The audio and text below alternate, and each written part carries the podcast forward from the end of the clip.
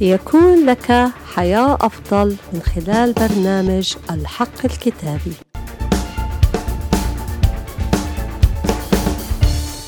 حقيقة اليوم الكتابية بعنوان من أرسل ومن يذهب لأجلنا. الرب يسأل كل واحد منا من أرسل؟ من سيكون سفير السماء؟ من سيذهب من أجلنا؟ كما في أشعياء 6 8 الرب يريد أشخاص يتكلمون بكلام الرب ويحملون الأخبار السارة.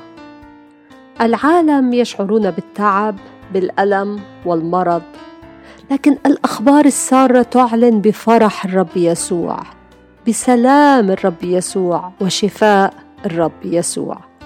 في يوحنا عشرة عشرة الكتاب المقدس يعلن السارق لا يأتي إلا ليسرق ويذبح ويهلك. وأما أنا فقد أتيت لتكون لهم حياة وليكون لهم أفضل. الرب يوعد بحياة أفضل. يوجد كثيرين لا يعلمون هذه الأخبار السارة. وهذه مسؤولية كل واحد منا ليخبر الآخرين. خلينا نقول مثل ما قال أشعياء النبي ها أنا ذا ارسلني. ها أنا ذا أضع وقتي وحياتي وكل ما لي لك ولامتداد ملكوتك.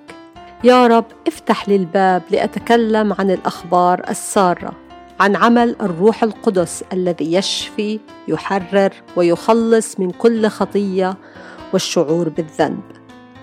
خلي الروح القدس شريكك القريب لكي يصل للنفوس ويحررها ويشفيها باسم الرب يسوع المسيح.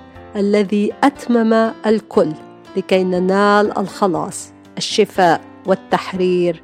آمين. أشكرك يا رب لأنك سمعت واستجبت باسم الرب يسوع المسيح. آمين. آمين. يبارككم الرب في حلقة جديدة من برنامج الحق الكتابي.